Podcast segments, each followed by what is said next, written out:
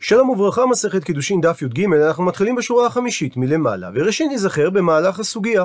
בעמוד הקודם סיפרה הגמרא על אדם שקידש אישה במחצלת קנים שלא היה בה שווה פרוטה, וכשהעירו לו על כך הוא אמר, היא תתקדש בארבעה זוזים שהיו כרוכים באותה מחצלת. ואותה אישה ששמעה את דבריו, המשיכה להחזיק את המחצלת ושתקה. ואמר על כך רבא, שמדובר על שתיקה לאחר מתן מעות, ואין השתיקה במקרה כזה מהווה הסכמה.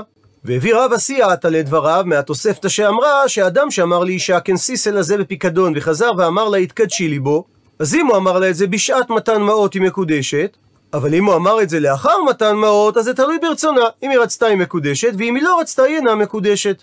והוכיח רבא שמה שאמרה התוספתא בסוף ולא רצתה הכוונה שהיא שתקה ומכאן הוכחה ששתיקה שלאחר מתן מעות אינה מהווה הסכמה. ואומרת הגמרא שעל דברי רבא אלו, קשו בה, התקשו בפום נהרה, שהיא הייתה הישיבה השלישית בחשיבותה שהתקיימה בבבל בתקופת האמוראים. משמי, משמו דרב הונא ברי, בנו דרב יהושע. מי דמי? האם ניתן לדמות את השתיקה בתוספתא? של אישה שקיבלה מעות בפיקדון? לשתיקה של האישה שקיבלה את המחצלת, ואחר כך התברר לה שהוא רוצה לקדש אותה בכסף שנמצא טמון בתוך אותה מחצלת? שהרי הטעם שם בתוספתא לגבי כנסי בפיקדון, מעיקרא בתורת פיקדוניה אבינו ניהלה. היא קיבלה לשמור את המעות, ולכן כאשר אחר כך הוא אמר לה התקדשי לי בו, היא סברה שאיש הדין עליהו אם אני אזרוק את המעות ומתברי, והם יישברו, כלומר הם יאבדו, מי חייבנה בהו. אני אתחייב לשלם אותם, ולכן היא לא זרקה את המעות, ומצד שני, היא גם לא מחתה על כך בצורה אקטיבית, משום שלא היה אכפת לה, שהרי ברור לה שהיא לא הסכימה להתקדש לו. אבל אחא, כאן במקרה של מחצלת הקנים, מעיקרא בתורת קידושין יאהבינו ניהלה, מראש היא קיבלה אותה בתורת קידושין ממנו, וכאשר התגלה שאותה מחצלת אין בה שווה פרוטה, והוא חזר ואמר שהיא תתקדש בזוזים שצבורים באותה מחצלת, והיא איתא דלא ניחא לה, אם אכן לא היה נוח לה להתקדש לו, היא הייתה צריכה לשדינו, לזרוק את המחצלת ולהביע את מחאתה בצורה אקטיבית, שהרי היא לא נתחייבה בשמירתה של המחצלת. מה שאומר שמזה שהיא שמרה אצלה את המחצלת ולא זרקה אותה, היא כנראה התרצתה לקידושין. פריך דוחה רב החי את קושייתו של רב הונא, אטו כולו נשי דינא גמירי? האם כל הנשים בקיאות בדין וידעה אותה אישה שכיוון שהיא לא קיבלה את אותה מחצלת בתורת שומרת, אז היא לא תתחייב אם היא תזרוק אותה ותיהרס המחצלת? החנמי, אלא גם כאן ניתן לומר שלמרות שהיא לא קיבלה אותה בתורת שמירה, עדיין סברה שאיש הדינא להו מתברי מתחייבנה באחריותיו. שאם אני אזרוק את המחצלת והיא תישבר, אני אתחייב לשלם עליה, ולכן לא קשה על רבא, שאמר שהשתיקה במקרה הזה היא כמו השתיקה בתוספתא לעניין כנסי פיקדון זה, ולכן השתיקה לא מהווה הסכמה. ולעניין פסיקת הלכה, מספרת הגמרא ששלחה רב אחא בר רב לקמי לפני דרבינה את השאלה הבאה: כהאי גבנה, במקרה כגון זה, מה יהיה הדין? שלח לי רבינה את התשובה הבאה, אנן, אנחנו לא שמיע לן, לא שמענו את הדרבונה ברי דרב יהושע. או במילים אחרות, אנחנו סוברים כרבה ולא חוששים לקושייה שרבונה הקשה עליו. אבל אתון דשמיע לכו חושו לה. אבל אתם ששמעתם על שאלתו של רב הונא, משום כבודו תחושו לדבר, ותצריכו את הגט, במידה והיא תרצה להתקדש לאדם אחר. ועוד באותו עניין מספרת הגמרא, ההיא איתתה אותה אישה דאבדקה מזבנה ורשכי, שהייתה מוכרת ורשכי, ומביא על כך בעל מסורת הש"ס ארבעה פירושים, פירוש ראשון חבילות משי, פירוש שני מרגליות, פירוש שלישי מצנפת שנותנים על הפדחת, ופירוש רביעי הוא פירוש רש"י, כישורי משי. והכוונה לחגורה ממשי.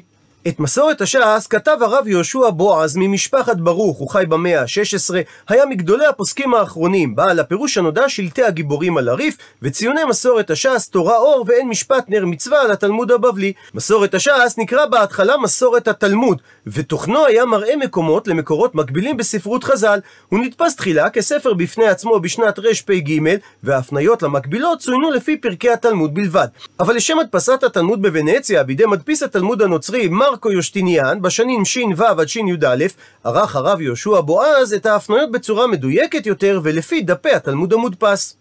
בדפוס בזיליה שונה שם החיבור למסורת הש"ס, ויש הסוברים שהדבר נעשה מחמת הצנזורה הנוצרית. שם זה נותר לחיבור עד היום. בשנים שלאחר מכן נוספו שתי השלמות גדולות לחיבור זה. האחת בדפוס אמסטרדם בשנים תע"ד עד תע"ז בידי הרב יוסף שמואל מקרקה, שהרחיב את מסורת הש"ס לפי שלושה ממה שהיה בה לפני כן.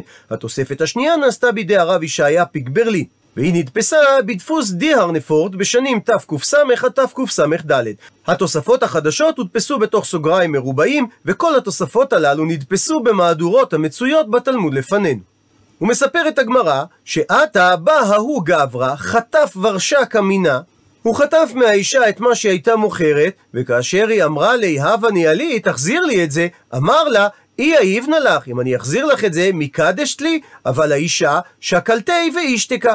לקחה מאותו אדם חזרה את הסחורה שלה ושתקה. ואמר על כך רב נחמן שהיא אינה מקודשת לו מפני שהיא יכולה למימר אין שקלי ודידי שקלי. אכן לקחתי ממנו את הדברים, אבל את שלי לקחתי, ולא הייתי מוכנה להתקדש לו בזה. הייתי והקשה על כך רבה לרב נחמן, שאומרת התוספתא, קידשה בגזל, בחפץ שהוא גזל ממנה ולא שילם עבורו, או ובחמס, שהוא קידש אותה בחפץ שהוא שילם לה עבורו, אבל היא מעולם לא התרצתה למכור לו את אותו חפץ, או ובגניבה, בחפץ שהוא גנב ממנה, או לשם המחשה אומרת התוספתא, שחטף סלע מידה וקידשה בסלע הזה. הדין במקרה הזה שהיא מקודשת מפני שהיא שתקה. וזה לכאורה סותר את דבריך רב נחמן, שאנחנו לא אומרים שהיא לא מקודשת, מפני שניתן לומר שהיא לא הייתה צריכה למחות בצורה אקטיבית, שהרי היא נטלה את מה ששייך לה. עונה על כך רב נחמן, הטעם שם בתוספתא מדובר בדשדיך, שהוא דיבר איתה קודם לכן בענייני שידוכים והיא נתרצתה להתקדש לו. כך שיש ראיה נסיבתית שכאשר היא שתקה זה היה משום שנוח לה שהוא יקדש אותה באופן הזה. הוא מוסיף רב נחמן ואומר, ומנה תמרה, ומהיכן אני אומר, דשני לן, שאכן יש הבדל בין מקרה ששדיך לבין מקרה ודלא שדיך? אם הוא דיבר איתה לפני כן בענייני שידוכים, או לא דיבר איתה לפני כן בענייני שידוכים? דתניא, שאומרת התוספתא, אמר לה, כנסי סלע זו שאני חייב לייכי, וחזר ואמר לה, התקדשי לי בו. אז אם הוא אמר את זה בשעת מתן מעות, אם היא רצתה היא מקודשת, ואם היא לא רצתה היא אינה מקודשת. אבל אם הוא אמר לה את זה לאחר מתן מעות, אז אפילו אם היא רצתה להתקדש בכך, היא אינה מקודשת. עד לכאן לשון התוספתא, ומבאר רב נחמן, מהי הכוונה רצתה ומהי הכוונה לא רצתה. אילם, האם תאמר שרצתה הכוונה דאמרה אין, שהיא אמרה אני מעוניינת בצורה אקטיבית, ולא רצתה הכוונה דאמרה בצורה אקטיבית שהיא לא מעוניינת, ומכאן נסיק, האישתקה, שאם היא שתקה, אז אכן אהבו קידושין? אבל אם כך, מדוע התוספתא הייתה צריכה לומר שאם היא רצתה ואם היא לא רצתה? וניתנה, יכלה התוספתא לומר מקודשת סתם, כי הטם. כפי ששנינו בתוספתא שהזכרנו בראש העמוד, שבשעת מתן מעות היא מקודשת, ולא היה צריך לפרט ולומר שאם היא אמרה בצורה אקטיבית שהיא לא רוצה להתקדש אז היא אינה מקודשת, שהרי זה דין שאף הקטנים יודעים אותו. אלא בהכרח שמה שאמרה התוספתא רצתה, הכוונה דאמרה בצורה אקטיבית אין אני אכן מעוניינת להתקדש, וכאשר אמרה התוספתא לא רצתה, הכוונה שזה הסכמה פסיבית דאישתקה, שהיא שתקה ולא אמרה דבר, וקעתני, ועל זה שנתה התוספתא את הדין דאינה מקודשת. שלמרות שהיא קיבלה את הסלע ושתקה על דבריו, הדין שהיא אינה מקודשת, מה היא תמה? מפני שהיא יכולה למימר אין, אכן שקלי, לקחתי ממנו את הכסף, אבל ודידי שקי, לקחתי את מה ששלי. אבל לאחר מתן מעות, אפילו אם היא רצתה בצורה אקטיבית ואמרה, אכן אני מעוניינת להתקדש לו, הדין שהיא לא מקודשת, מפני שמעיקרא היא קיבלה את הכסף עבור החוב שהוא היה חייב לה. וכאשר היא חזרה ואמרה שהיא מעוניינת להתקדש לו, הוא בעצם לא נתן לה כלום. וממשיך רב נחמן ואומר, ואל הקשיא הך דברי התוספתא דקידשה בגזל או בחמאס או בגניבה או שחטף סלע מידה וקידשה שהיא מקודשת? ושם לכאורה אנחנו לא אומרים שניתן לטעון שהיא לא מקודשת מפני שהיא נטלה את שלה אלא לאו שמע מינה בהכרח צריך לומר הדשדיך הדלא שדיך. התוספתא שאמרה שקידשה בגזל ובחמאס ובגניבה מקודשת זה מפני שהם דיברו קודם לכן על ענייני שידוכים והתוספתא שכנסי סלע זו שהקידושים תלויים ברצונה, זה מפני שהם לא דיברו לפני כן על ענייני שידוכים. ומספרת הגמרא, קינח נפשי כשנפטר דרב אסי, אילו רבנן לנקוטינו לשמעתתי. התקבצו החכמים לבית המדרש ואמרו, כל מי ששמע שמועה חדשה מפיו של רב אסי יאמרנה באוזני חבריו, כדי לצרפם לשמועה שלא ישתכחו. ובעקבות כך נאמרו שלוש שמועות מפיו של רב אסי. שמועה ראשונה, אמר להם ההוא מרבנן ורבי יעקב שמי, הכי כך אמר רב אסי שאמר רבי מני, כשם שאין אישה נקנית בפחות משווה פרוטה, כך אין קרקע נקנית בפחות משווה פרוטה. אמרו לי, שאלו אותו על כך, והתניא, והרי שנינו בברייתא, שאף על פי שאין אישה נקנית בפחות משווה פרוטה, קרקע כן נקנית בפחות משווה פרוטה. אמר להם, ענה להם רבי יעקב, כי תניא ההיא, הברייתא ההיא, נשנתה לעניין קניין בחליפין. דתניא, שכך שנינו בברייתא במסכת בבא מציע, קונים בכלי ואף על פי שאין בו שווה פרוטה. אבל אם לא מדובר על קניין חליפין אלא על נתינת כסף, אין קרקע נקנית בפחות משווה פרוטה. שמועה שנייה שנאמרה מפיו של רבי אסי, הדר יתווי חזרו ישבו וכאמרי ואמרו, הדה אמר רב יהודה אמר שמואל, כל שאינו יודע בטיב גיטין וקידושין, לא יהיה לו עסק עמהם. ועל כך אמר רבי אסי שאמר רבי יוחנן, וקשים לעולם אותם שעוסקים בגיטין וקידושין ולא יודעים טוב את הדינים שלהם, יותר מדור המבול, שנאמר, פסוק בהושע, עלו וכחש ורצוח וגנוב ונאוף פרצו ודמים בדמים נגעו. ובפסוק העוקב נאמר, על כן תאבה לארץ ואומלל כל יושב בה, בחיית השדה ובעוף השמיים, וגם דגי הים יאספו. ושואלת על כך הגמרא, מהי משמע? מהיכן למד רבי יוחנן שהעוסקים בגיטין וקידושים בלא לדעת את הדינים שהם קשים לעולם, שאומנם נאמר בפסוק בהמשך על כן תאבה לארץ, אבל מי אמר שזה על עוון אשת איש? עונה על כך הגמרא כדמתרגם רב יוסף, שהיה בקיא בתרגום הנביאים שתרגם יונתן בן עוזיאל, והוא תרגם את המילה פרצו על עוון אשת איש, מולידין בנין מנשי חבריון. מולידים בנים מהנשים של חבריהם, שעל ידי כך דמים בדמים נגעו, זאת אומרת חובין על חובין מוסיפין. שהם לא רק מתירים אשת איש לאדם שאינו בעלה, אלא בנוסף לכך הם גורמים שהממזרים יטמאו בקהל. וכתיב, ועל זה נאמר בהמשך, על כן תאבה לארץ ואומלל כל יושב בה, בחיית השדה ובעוף השמיים וגם דגי הים יאספו. וזה יותר חמור מדור המבול, שהרי ואילו בדור המבול לא נגזרה הגזרה על דגים שבים, שנאמר, נקרא בפנים, כל אשר נשמת רוח חיים באפיו, מכל אשר בחרבה מתו. ולא דגים שבים, ואילו אחא, כאן בפסוק מתואר, שאפילו דגים שבים מתו. מקשה על כך הגמרא, ואימה, ואולי תאמר, עד דאביד לכולו, שאולי החורבן שמתואר בפסוק על כן תאבה לארץ, בא בעקבות ביצוע של כל החטאים שנאמרו בפסוק הקודם, ולא רק בעוון של מי שאינו יודע בטיב גיטין וקידושין. דוחה הגמרא לא סלקא דעתך, לא יעלה על דעתך לומר כך, מפני דכתיב, פסוק בירמיהו נקרא בפנים, כי מנאפים מלאה הארץ, כי מפני עלה אבלה הארץ, יבשו נאות מדבר, ודהי מרוצתם רעה וגבורתם לא כן. וכשם שאמר הנביא ירמיה, שמפני עלה, דהיינו מפני שבועת שקר אבלה הארץ, אז כשם שהעוון עלה, שבועת שקר, הוזכרה בתוך שאר העוונות בפסוק בהושע, ועל העוון הזה בנפרד אבלה הארץ, כך גם על העוון וניאוף פרצו ודמים בדמים נגעו אבלה הארץ בנפרד. ממשיכה הגמרא ומקשה, ואימה, אבל אולי תאמר, עלה לחוד והנח לחודיון. שמהמילה עלה שהוזכרה בירמיהו נלמד, שצריך לחלק את הפסוק בהושע באופן הבא, שעל שבועת שקר בפני עצמה אבלה הארץ, ועל כל שאר העוונות ביחד אבלה הארץ. הפכנו דף, דוחה הגמרא, מי כתיב ופרצו, פרצו כתיב. אם היה כתוב בפסוק, אם האות ו' ופרצו, אז היינו מבינים שפרצו מוסיף על העניין הראשון, כך שעוון האריות מתווסף לשאר העוונות שנאמרו שם בפסוק. אבל היות וכתוב בפסוק פרצו בלי ו', זה אומר שהעוון הזה עומד בפני עצמו, ועליו נאמר כעוון בפני עצמו את הפסוק המשך, על כן תאבה לארץ. ממשיכה הגמרא לשמועה השלישית שנאמרה בשמו של רב אסי. הדור הם חזרו ויתבי וכאמרי וישבו ואמרו, הדתנן על מה ששנינו במשנה במסכת קינין. האישה שהביאה חטאתה ומתה, יביאו יורשין עולתה.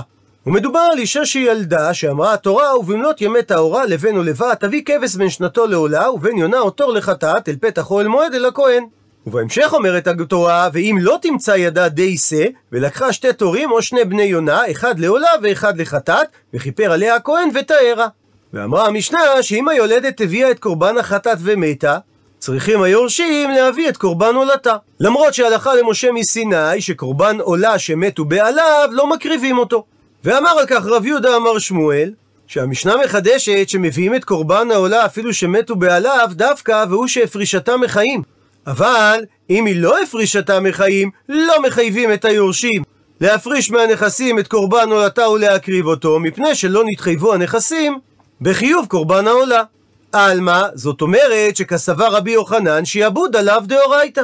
מסביר רש"י שרבי יוחנן סובר שמה שאמרו חכמים שנכסי המת משתעבדים על החוב שהיה מוטל על המת, זה אינו מדין תורה, שנאמר שנכסי המת ערבים ומשתעבדים מדין ערב, וממילא דין מילווה על פה ודין מילווה בשטר יהיו שווים. אלא רק במקרה של מילווה בשטר, שהוא כתב במפורש נכסיי אחראים לך, אז משתעבדים הנכסים, אבל במילווה שבוצע על פה ולא בשטר, לא משתעבדים הנכסים. אבל חלק על כך, ואמר רב אסי, שאמר רבי יוחנן, שהמשנה מדברת אף על גב שלא הפרישה את עולתה מחיים. ובכל זאת כופים את היורשים להקריב את עולתה, מפני שנתחייבו הנכסים בקורבן העולה. עלמא, זאת אומרת שלשיטת רבי יוחנן, כסבר שיעבודה ודאורייתא. שנכסיו של האדם משתעבדים מדין תורה להיות ערבים לתשלום חובותיו. מקשה על כך הגמרא, והפליגי בחדא זימנה, הרי הם כבר נחלקו במחלוקת זו פעם אחת, דרב ושמואל דאמרת רביו מיל ועל פה אינה גובה מן היורשין ולא מן הלקוחות, ורבי יוחנן וריש לקיש לעומת זאת דאמרת רביו ששניהם אמרו מיל ועל פה גובה בין מן היורשין בין מן הלקוחות. מפני ששיעבוד הנכסים לתשלום החוב הוא לא דין דאורייתא, וכל שכן שאם לא גובים מן היורשים, שלא ניתן לגבות מן הלקוחות שקנו בינתיים את הנכסים של הלווה. אבל שונה הדין במיל ובשטר, שהרי הלווה עצמו שיעבד את נכסיו, שכתב לו בשטר, כל נכסי דאית לי אחראין לשטר הדנן. ורבי יוחנן וריש לקיש דאמרת רבה היו ששניהם אמרו, מיל ועל פה, גובה בין מן היורשים בין מן הלקוחות. מפני שהם סוברים ששיעבוד הנכסים לחוב הלווה זה מדאורייתא. ומדוע היה צריך לחזור ולומר ששמואל ורבי יוחנן נחלקו באותו עיקרון גם על המשנה במסכת קינין?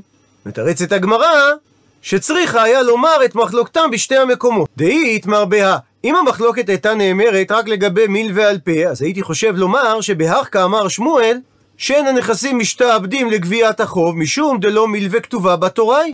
ולכן לא הוטל עליו חובה מאת המלך, דהיינו מצד ריבונו של עולם, לשלם את החוב, אלא מעסקי מעשה עצמו הוא התחייב.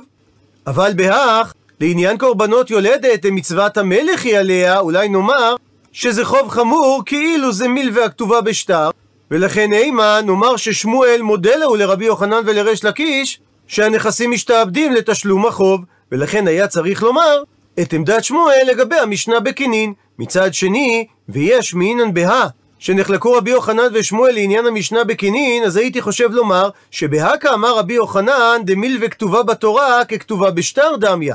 שהרי חוב הקורבנות על היולדת זה דבר ידוע, ולכן יש לזה פרסום כמו מילווה הכתובה בשטר.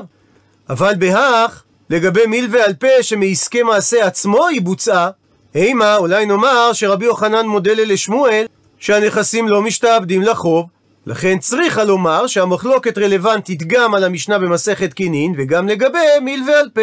ולעניין פסיקת הלכה, אמר רב פאפא, הלכתה שמיל ועל פה מצד אחד גובה מן היורשין, מצד שני ואינו גובה מן הלקוחות. הוא מסביר רב פאפא, גובה מן היורשין מפני ששיעבודה דאורייתא. ולכן השתעבדו הנכסים לגביית החוב. מצד שני, ואינו גובה מן הלקוחות, מפני שמיל ועל פה בשונה ממיל והכתובה בשטר, דלית לקאלה. אין למילווה הזו פרסום, ולכן המלווה הפסיד את עצמו, שהיה לו לכתוב את המילווה בשטר. ואף על גב שאמרנו ששיעבודה דאורייתא, תקנו רבנים תקנת השוק, שלא ניתן יהיה לגבות מיל ועל פה מנכסים שקנה הלוקח, שהיות שאין פרסום למיל ועל פה, לא ידע הלוקח להיזהר מהמילווה הזו כאשר הוא קנה את הנכסים. ציטוט מהמשנה, וקונה את עצמה בגט ובמיתת הבעל. שואלת על כך הגמרא, בישלמה נוח לי להבין שאכן אישה קונה את עצמה בגט, דכתיב, מפורש בתורה, וכתב לה ספר פקריטות. אלא זה שאישה קונה את עצמה במיתת הבעל, מנהלן, מה המקור לכך? עונה על כך הגמרא שהמקור לכך סברה הוא שהרי הוא הבעל עשרה כאשר הוא התחתן איתה, וממילא והוא הבעל כאשר הוא מת, שרתה התיר אותה. שכאשר אינו בעולם היא נפטרה ממנו, שהרי בו הייתה קשורה. מקשה על כך הגמרא, והלגבי איסור עריות דאסר להו, ולא שרי להו. שלמרות שהבעל נפטר, עדיין יש אנשים שאסורים עליה באיסור עריות, כגון אשת אביו וכלתו ואשת אחי אביו, שעל ידי קידושי הבעל הם נאסרו לקרוביו, וגם כשימות הבעל, הן לא מותרות לקרובים שאסורות לקרובים לעולם. אלא מביאה הגמרא מקור אחר לכך שהאישה מותרת להתחתן כאשר בעלה נפטר, מדאמר רחמנה, מזה שאמרה התורה, שרק יבמה שאין לה בנים אסורה מלהתחתן למעט עם היבם. המכאן נדייק שאם יש לה בנים היא מותרת. הרי שמיתת הבעל מתירתה להתחתן עם אנשים אחרים. מקשה על כך הגמרא, ודילמה, אבל אולי נדייק באופן הבא, שאם אין לה בנים, היא אסורה לעלמא ושריה ליבם, אבל אם ויש לה בנים, אז לכולי עלמא נמי גם היא תהיה אסורה. אלא אומרת הגמרא, תשובה אחרת למקור שמיתת הבעל מתירה את האישה, מדאמר רחמנה, מזה שאמרה התורה, שאלמנה לכהן גדול אסורה. אה, מכאן נדייק שלכהן אדיוט אלמנה שריה מותרת. הרי שמיתת בעלה התירה אותה להתחתן עם הכהן האדיוט. דוחה הגמרא ודילמה, אולי ניתן להסביר שלכהן גדול היא נמצאת באיסור בלאו, אבל לכולי עלמא, לשאר האנשים, היא לא נמצאת באיסור לאו, אלא באיסור בעשה. הוא מסביר רש"י שנלמד את איסור העשה באופן הבא, שכתוב ויצאה והייתה לאיש אחר דווקא על ידי גט הגירושין ולא על ידי מיתה, וזה נחשב ללאו הבא מכלל עשה, שהמעמד הדיני שלו כציווי עשה. מקשה הגמרא על הדחייה, היי עשה, מה יבידיתי? מה עושה איסור העשה שיהא הוא עומד בפניה ואוסר עליה להתחתן עם אנשים אם אנחנו אומרים שאיסור הלאו והכרת שהיו בה כאשר היא הייתה אשת איש פקעו? שהרי אי דהניה אם הואילה מיתת הבעל תשתרה לגמרי, שתהיה מותרת לגמרי, והיא דלא העניה שלא הואילה מיתת הבעל, כפי שרצינו ללמוד מהפסוק, והעצה והייתה לאיש אחר, שזה דווקא על ידי גירושין ולא על ידי מיתה, אז אם כך, תוקמה במילתא קמייתא. תשאיר אותה עומדת באיסור הראשון שהיה עליה, וממילא לא הייתה התורה צריכה לכתוב שהיא אסורה בלאו על כהן גדול. אבל מקשה הגמרא על הדחייה, אה, למה לא? מדוע לא מסתבר לומר שאכן הפיקתה ממיתה והוקימתה על עשה? שמיתת הבעל הוציאה אותה מחיוב מיתת בית דין, והעמידה אותה רק באיסור עשה כלפי אנשים אחרים. מידי דהווה באופן דומה הפסולי מוקדשים, שזה קורבנות שנפל בהם מום והם לא יכולים להיקרב על גבי המזבח. דמי עיקרא, לפני שפודים אותם, יתבעו, יש בהם איסור מעילה, ואסירי והם גם אסורים בגיזה ועבודה, אבל כאשר פרקינו, פדו אותם, איסור מעילה לטבעו, כבר אין בהם איסור מעילה, והם מותרים לאכילה לכל אדם, אבל בגיזה ועבודה הם עדיין אסירי. והמקור לכך זה הגמרא במסכת בכורות, שדרשה את הפזוק תזבח בשר, תזבח ולא גיסה, בשר ולא חלב. והעמידו שם את הדרשה בפסולי המוקדשים לאחר פדיונן. ועל אותו משקל ניתן לדחות את הלימוד מאלמנה לכהן גדול ולומר שהתורה אסרה את האלמנה לכהן גדול באיסור לאו, ועל כל שאר האנשים היא אסרה אותה באיסור עשה. אלא אומרת הגמרא, המקור לכך שאישה מותרת להינשא במיתת בעלה, זה מדאמר קרא, פן ימות במלחמה ואיש אחר ייקחנה. הרי שהמיתה של הבעל מתירה לאיש אחר לשאת את אלמנתו לאישה. מה תקיף לה מקשה על כך רב שישה ברי דרבידי? אימה, אבל אולי ניתן לומר שמן הכוונה אחר יבם, ואם כך לא ניתן ללמוד מפה היתר לאלמנה להתחתן עם אנשים אחרים. עונה על כך, אמר רב אשי שתי תשובות בדבר. חדה, תשובה ראשונה, דיבם לא יקרה אחר. שהרי אם הפסוק מתכוון לומר שהיא מותרת דווקא ליבם, אז היבם לא נחשב כאחר, שהרי יש לה זיקת ייבום אליו. ועוד תשובה שנייה בדבר, שהרי כתיב נקרא בפנים, ושנאה האיש האחרון, וכתב לספר כריתות ויתן וידע ושילחה מביתו, או כי ימות האיש האחרון אשר לקחה לו לאישה. ויתקש ויש היקש בפסוק בין מיתה לגירושין. מה גירושין שריה? וגומרת, מתיר אותה הגט והיא יכולה להתחתן עם כל אדם, אף מיתה של הבעל שריה וגומרת, מתירה אותה להתחתן עם כל אדם. עד לכאן דף י"ג.